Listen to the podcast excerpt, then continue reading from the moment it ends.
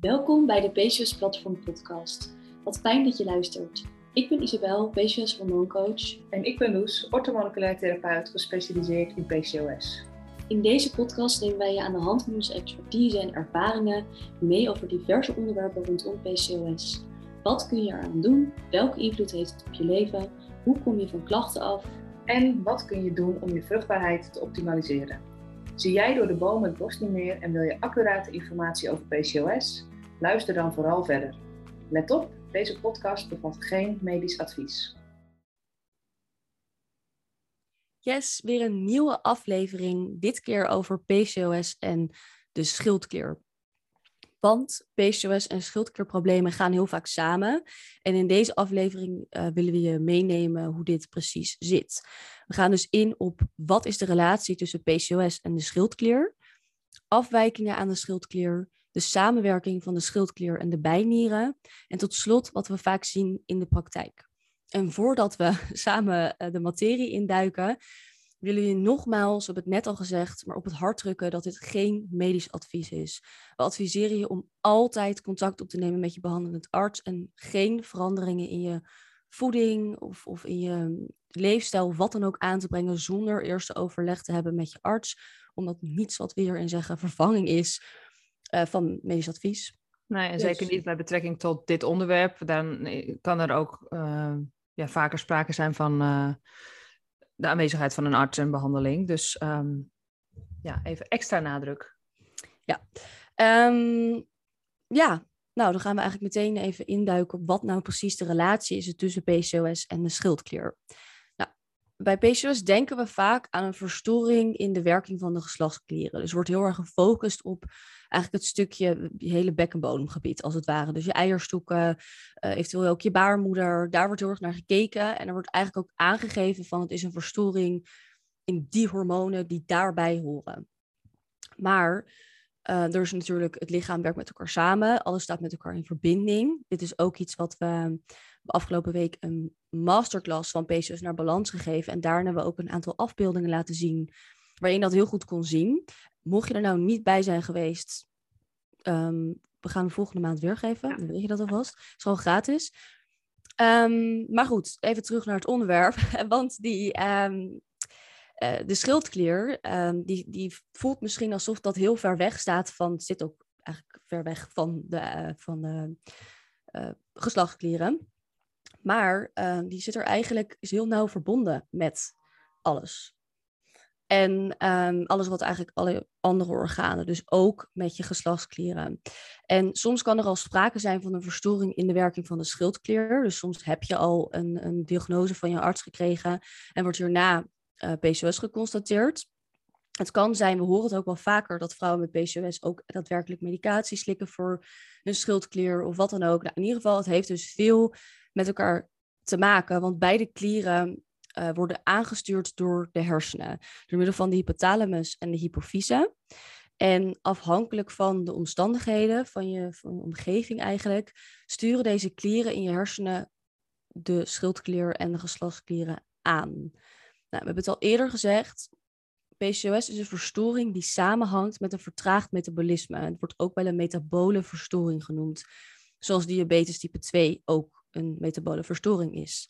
Dat betekent eigenlijk dat elementen zoals hoog cholesterol, bloedsuikerinstabiliteit, gewichtsproblemen en insulineresistentie vaak samengaan met PCOS.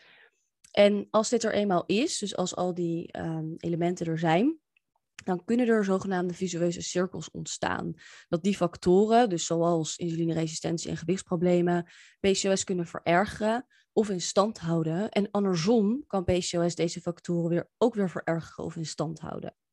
Nou, wat nou belangrijk is om hier aan te begrijpen of te onthouden, is dat de schildklier um, heel nauw betrokken is bij een vertraagd metabolisme. En zoals we net zeiden, PCOS is een verstoring die samenhangt met een vertraagd metabolisme. En de schildklier is een hele gevoelige klier die um, eigenlijk ook heel belangrijk is voor het gehele functioneren van, van je gehele lichaam. En je kunt de schildklier een beetje zien, en daar zal Loes straks uitgebreid op terugkomen. Um, je kunt de schildklier zien als het gaspedaal of de rem van je lichaam. Nou, dus misschien een beetje veel input, maar Loes heeft zich de afgelopen weken enorm verdiept in uh, de schildklier en de functie daarvan en wat er allemaal bij komt kijken. Dus Loes, zou jij ons anders even willen meenemen in een stukje anatomie van de schildklier? Ja, ja, dat leek ons wel fijn, aangezien um, je misschien wel voor de eerste keer hoort van de schildklier. En geen idee hebt bij wat het is en hoe het, waar het überhaupt zit. Nou, de schildklier die bevindt zich aan de voorkant van de hals. En het zit direct boven het kuiltje in de hals, zeg maar, wat je kan voelen. Wat ik nu dus ook voel. en um, het is een vlindervormig orgaan. En als het gezond is, dan voel je hem nagenoeg niet. En als, het kan zijn namelijk, het kan ook dat hij vergroot is. Dus volgens mij heet dat krop, weet ik niet eens, volgens mij wel. Dat je schildklier vergroot is. In ieder geval, dat kan en dan kan je hem voelen. En bij het slikken beweegt het met je strottenhoofd mee. En normaliter weegt de schildklier tussen de 10 en de 20 gram. Nou, het bestaat uit twee kwabben die verbonden zijn met een smalle brug. En daardoor de vorm heeft van een vlinder. En die kwabben die liggen links en rechts van de luchtpijp. En zijn bij een volwassene ongeveer 2 centimeter breed en 4 centimeter hoog. Dus dat is even, dan heb je een beetje een beeld bij waar we het de hele tijd over hebben. Ik heb even snel opgezocht en uh, om even te verifiëren wat Loes net zegt. Met struma of krop wordt een zichtbare of voelbare vergroting van de schildklier bedoeld. Dus ja, ja okay, nou. helemaal goed. Ja, ja want um, de schildklier produceert ook hele belangrijke hormonen, waaronder T4 en T3. En deze hormonen reguleren eigenlijk de hele stofwisseling en je gehele metabolisme. Dus daar wordt eigenlijk mee bedoeld, want misschien is het woord metabolisme of stofwisseling ook iets wat je nog niet heel vaak hebt gehoord. Er is eigenlijk mee bedoeld hoe je lichaam energie haalt uit het voedsel, of in ieder geval dat wat je eet. En als je schildklier niet goed werkt, dan uh, gebruikt je lichaam de energie langzamer of sneller dan zou moeten. Nou, een gevolg daarvan is dat het lichaam vertraagt vaak. En Isabel noemde het al even, het gaspedaal en de rem. En dat is eigenlijk de functie van de schildklier. Het zorgt ervoor dat het lichaam in een adequaat tempo aan het handelen is. En uh, er moet voldoende op het gaspedaal gedrukt worden. En we zien juist, zeker in het kader van PCOS, dat er eigenlijk vaak op de rem gedrapt, getrapt wordt. Met als gevolg dat de darmpassage vertraagt, um, ja, als gevolg daarbij van de lever weer, weer meer, meer wordt belast. Nou, um, er minder energie wordt verworven en dat het lichaam eigenlijk gaat prioriteren in welke organen de energie die er wel is, krijgen. Daar zijn we in de webinar ook op ingegaan. Want ja, de geslachtsklieren staan niet bovenaan die prioriteitenlijst. Het is belangrijker om eerst e-, genoeg energie naar de vitale organen te sturen dan die geslachtsklieren. Dus die geslachtsklieren krijgen bij een vertraagde schildklierwerking minder tot weinig energie. Nou, dus die schildklier is ontzettend belangrijk, maar ook erg gevoelig voor omstandigheden. En um, dat is ook haar functie. Dat is, ja, dat is waar een schildklier heel veel mee bezig is. Adequaat reageren op die omstandigheden in dienst van het lichaam, zoals ik net ook al zei. Nou, echter beïnvloeden meerdere omstandigheden ook onbewust de schildklier in haar functie. Denk hierbij aan bijvoorbeeld gifstoffen uit de omgeving, uh, gifstoffen uit je voeding, maar ook stress. Stress is echt een ontzettend grote factor die van invloed is op de schildklier. En als de totale load van die factoren die van invloed zijn te groot is, dan kunnen er dus schildklierafwijkingen ontstaan. Nou, als de schildklier begint te haperen, dan gaat het eigenlijk vrij snel signalen geven, maar we zijn hier ons lang niet altijd van bewust. Denk bijvoorbeeld aan vermoeidheid, spijsverteringsklachten, concentratieproblemen en stressklachten. Nou, het laat eigenlijk zien dat er sprake is van een onderliggende disbalans. En we nemen graag even mee in de drie meest bekende vormen van schildklierafwijkingen. Allereerst de vertraagde schildklier. Officieel heet dat hypothyreodie. En hier drukt je lichaam eigenlijk als het ware op de rem dus. Alles gaat een tandje trager, er gaat minder energie naar alle lichaamsfuncties. Het, het lichaam ja, staat een beetje on hold of is een beetje ja, uh, heel erg zuinig aan het doen. Nou, daar tegenover heb je ook hyperthyreodie. Hypo- en hyperthyreodie bestaan. En bij hyperthyreodie is er sprake van een versnelde schildklier. Dit kan ook helemaal overgaan naar de ziekte van Graves, waarbij echt sprake is van een overmatig uh, werkende schildklier. En hierbij drukt, het lichaam als het ware te veel op dat gaspedaal. Dan gaat alles als het ware te snel. Je kunt dat merken aan een opgejaagd gevoel, diarree. Alle functies gaan eigenlijk uh, ja, in de versnelling. Vaak heb je dan ook moeite met aankomen, val je heel snel af, et cetera. Nou, daarnaast bestaat ook nog Hashimoto. En dit is eigenlijk een auto-immuunziekte die um, uh, de schildklier aanvalt. En um, er is niet volledige overeenstemming in uh, de oorzaak daarvan. Bij auto-immuniteit, ja, er is nog een heel ja, veld met tegenstrijdigheden, zal ik maar zeggen. Er is, geen consensus in waar dat uh, vandaan komt. Maar wel wordt steeds meer gezien dat er ook bij deze auto-immuunziekte een link is met een ongezonde omgeving, zoals stress, gifstoffen, pesticiden, etc. Nou, dit soort afwijkingen kunnen in één generatie ontstaan. Dus echt gewoon in jouw leven, los van de levens voor je. Maar we zien ook dat het stapelt um, vanuit de generaties voor je. Dus um, wat bijvoorbeeld bekend is, is als de moeder uh, oestrogeendominant was, dat het kind al um, in de baarmoeder beïnvloed kan worden en dat daar een link zit met een vertraagde schildklier. Dus um, dat is wel heel interessant om uh, naar te kijken en dat zien we dus ook wel in de praktijk, dat ja, uh, moeders met die klachten, dat er vaker kinderen met vertraagde schildklier en ook met oestrogeendominantie en dergelijke ter wereld worden gezet.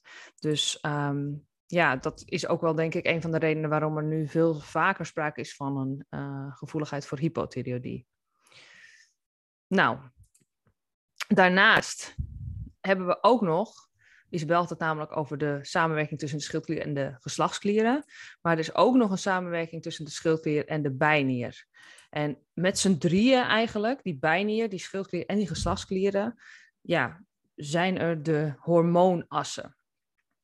Um, en die hormoonassen, die worden alle drie aangestuurd door de hypothalamus en de hypofyse. En de hypothalamus is als het ware een soort van sensor die jou um, via jouw zintuigen de omgeving uh, steeds scant. En op basis van de omgevingsfactoren wordt de hypofyse aangestuurd. En vervolgens wordt er eigenlijk een soort keuze gemaakt van oké, sturen we energie uh, en hormonen naar de bijnier Sturen we die naar de schildklier of sturen we die naar de geslachtsklieren? En daar zit een onderlinge balans tussen. Alleen bij PCOS zien we natuurlijk dat die geslachtsklieren een beetje ondervertegenwoordigd zijn. En vaak ook dat die schildklieren ondervertegenwoordigd zijn. En nou ja, daarin beïnvloedt dit ook de functie van de bijnier. Het lichaam werkt als één geheel. Dus als de bijnier bijvoorbeeld overbelast wordt, heeft dat invloed op de schildklier en de geslachtsklieren. Maar ook als bijvoorbeeld de schildklier niet goed zijn werk kan doen door bepaalde omgevingsfactoren of tekorten of overbelasting, gifstoffen, et cetera. Um, legt dat ook weer meer lood bij de bijnieren. Dus daar um, zit een belangrijke wisselwerking. Nou, signalen die wijzen op bijnierproblemen. Nou, zijn heel duidelijk link aan stressklachten. Vaak worden bijnier ook in één adem genoemd met dingen als burn-out. En dat is eigenlijk ja, bijnieruitputting. Al is, ja, als, je bijnier echt uitgeput is, dan rol je echt om. Dan kun je niks meer. Maar uh, bij burn-out is er wel sprake van een overbelasting van de bijnieren. Omdat de bijnieren simpelweg te veel op stress hebben moeten reageren. Op een gegeven moment is de koek op. Dus je kunt dat ook merken aan een verminderde stressbestendigheid, inspanningsproblemen. Dat als je inspant, dat je, dat je gelijk eigenlijk de deksel op je neus krijgt. krijgt.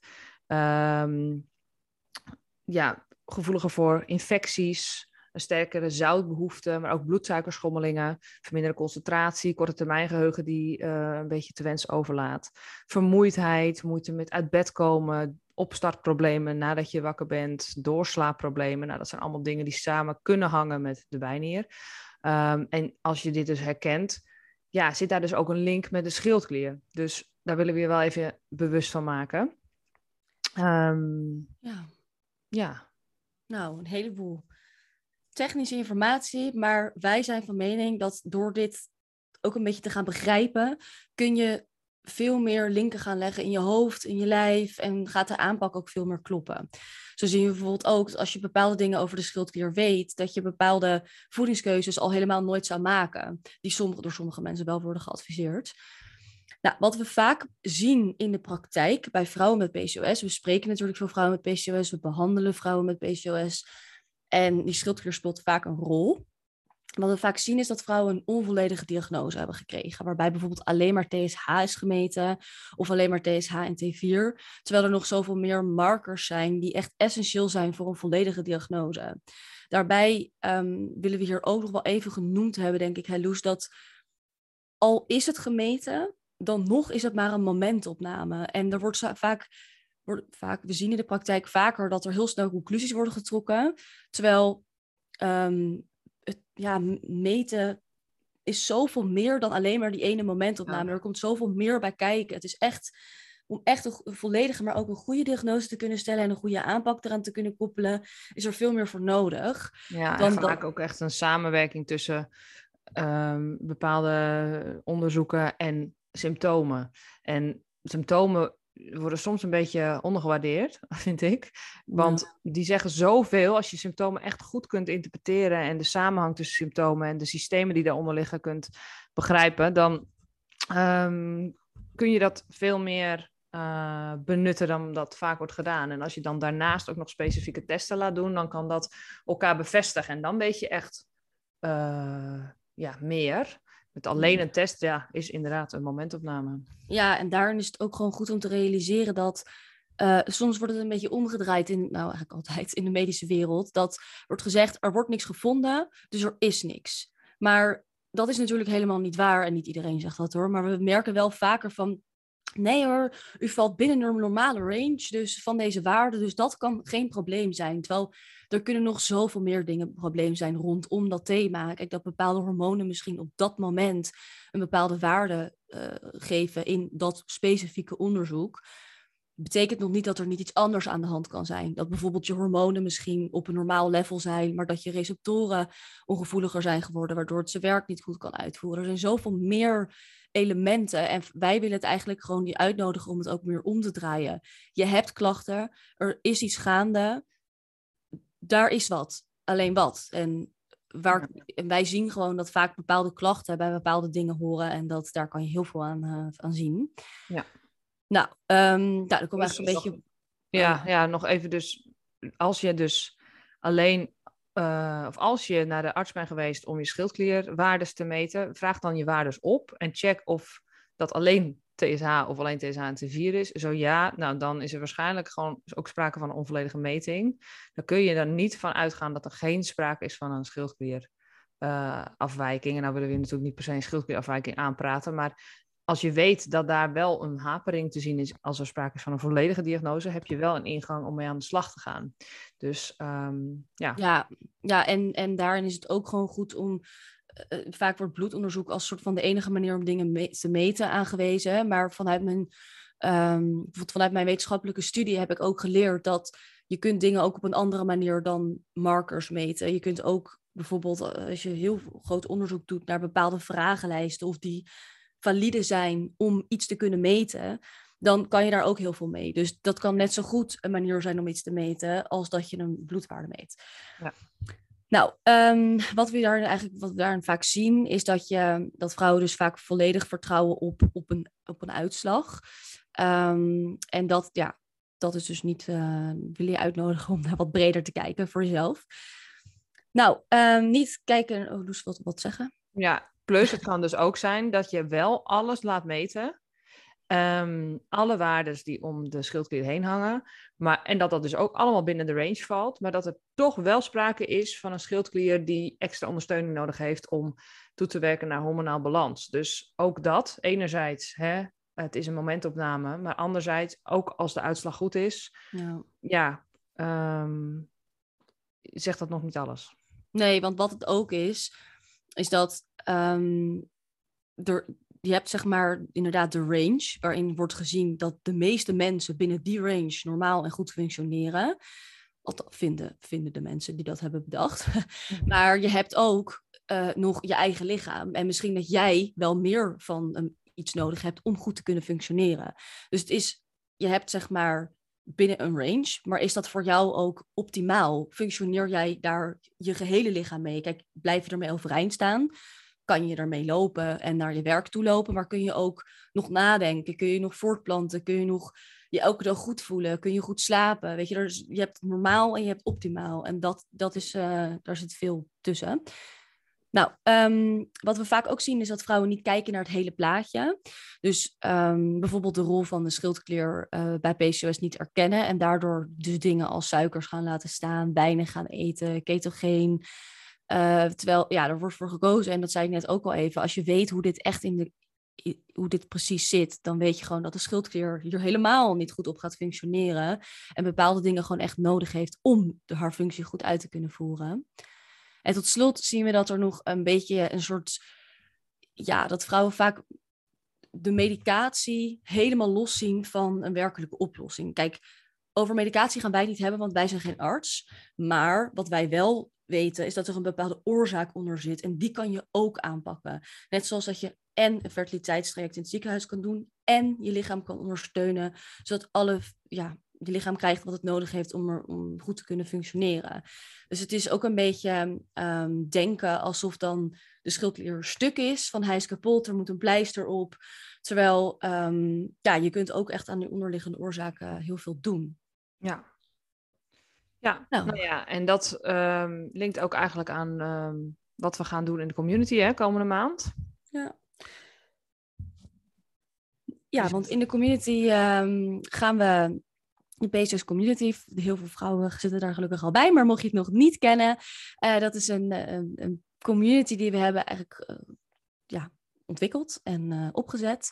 Waarbij we eigenlijk met z'n allen in een Facebookgroep zitten. En waar wij iedere maand een thema helemaal vastpakken. Deze maand vertraagt metabolisme. En daar je eigenlijk even een maand in onderdompelen. Zodat je gefocust met één element aan de slag kan. Is de meest... Ja, specifiek specifiek de schildklier deze maand. Ja, deze maand is de schildklier. Dus het is de meest laagdrempelige manier om met je PCOS aan de slag te gaan en heel gefocust op één onderwerp. En daarbij kan je natuurlijk ook met alle vrouwen die er zitten vragen stellen. We hebben een live Q&A.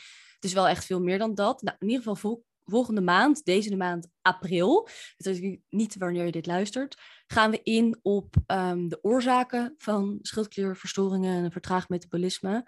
Goed en volledig labtesten en uh, welke testen nog meer relevant zijn naast schildklierwaardes. Waar je hierbij goed rekening moet houden. We hebben net al een paar dingen genoemd. We nemen je helemaal mee in hoe je dit uh, gaat erkennen en herkennen en hoe je weet wat van jou uh, van toepassing is. En tot slot geven we ook nog um, in uh, drie concrete tips om zelf aan de slag te gaan met het ondersteunen van je schildklier. Dit doen we in een besloten podcast. Dit is dus de openbare podcast als het ware. En in de community nemen we dus een besloten podcast op. En daarbij geven we een samenvatting. Dus ook nog een PCOS dagmenu wat we iedere maand delen. En uh, ja, eigenlijk van alles wat we daarin doen en een live Q&A. Ja. Mis ik nog dingen? Nee, nou ja, het is een hele fijne plek. Uh, krijgen we heel vaak terug voor vrouwen om um, hun vragen te stellen over waar ze nu staan, waar ze tegenaan lopen. Ook veel breder dan het onderwerp. En je leest, kan het ook allemaal teruglezen in de Facebookgroep waar, van de afgelopen maanden. Uh, we geven overal uitgebreid antwoord op. Dus dat is ook wel van grote meerwaarde, vinden wij. En krijgen we dus vaak terug. Dus um, ja, korte lijnen met andere vrouwen met PCOS en met ons. Dat krijg je er ook bij. Ja. Nou, voor 5,50 euro doe je mee per maand. En uh, het zou leuk zijn om je daar te treffen. Ja. We hopen in ieder geval met deze podcast je al wat meer bewust te hebben gemaakt over de link van, P van PCOS en de schildklier. En ook um, de ruimte die er is om daaraan te werken. En um, nou, we zien je graag in de volgende podcast. Yes. Oh, wat wel goed is voor als je ons iedere week luistert. Volgende week is er geen podcast, want um, Loes is even een weekje vrij en ik ben twee weken vrij om te studeren. Dus ja. uh, dan weet je dat alvast. Nou, tot snel. Tot snel. Dankjewel voor het luisteren naar de PCOS Platform podcast. Heeft het je verder geholpen? Dan zou je ons en andere vrouwen met PCOS enorm helpen door een review achter te laten in je favoriete podcast app. Onze missie is om zoveel mogelijk vrouwen met PCOS te informeren over de mogelijkheden om van vervelende klachten af te komen en hun vruchtbaarheid te optimaliseren. Volg je ons al op Instagram, @speciusplatform. Daar delen we ook veel tips en informatie. Tot de volgende keer.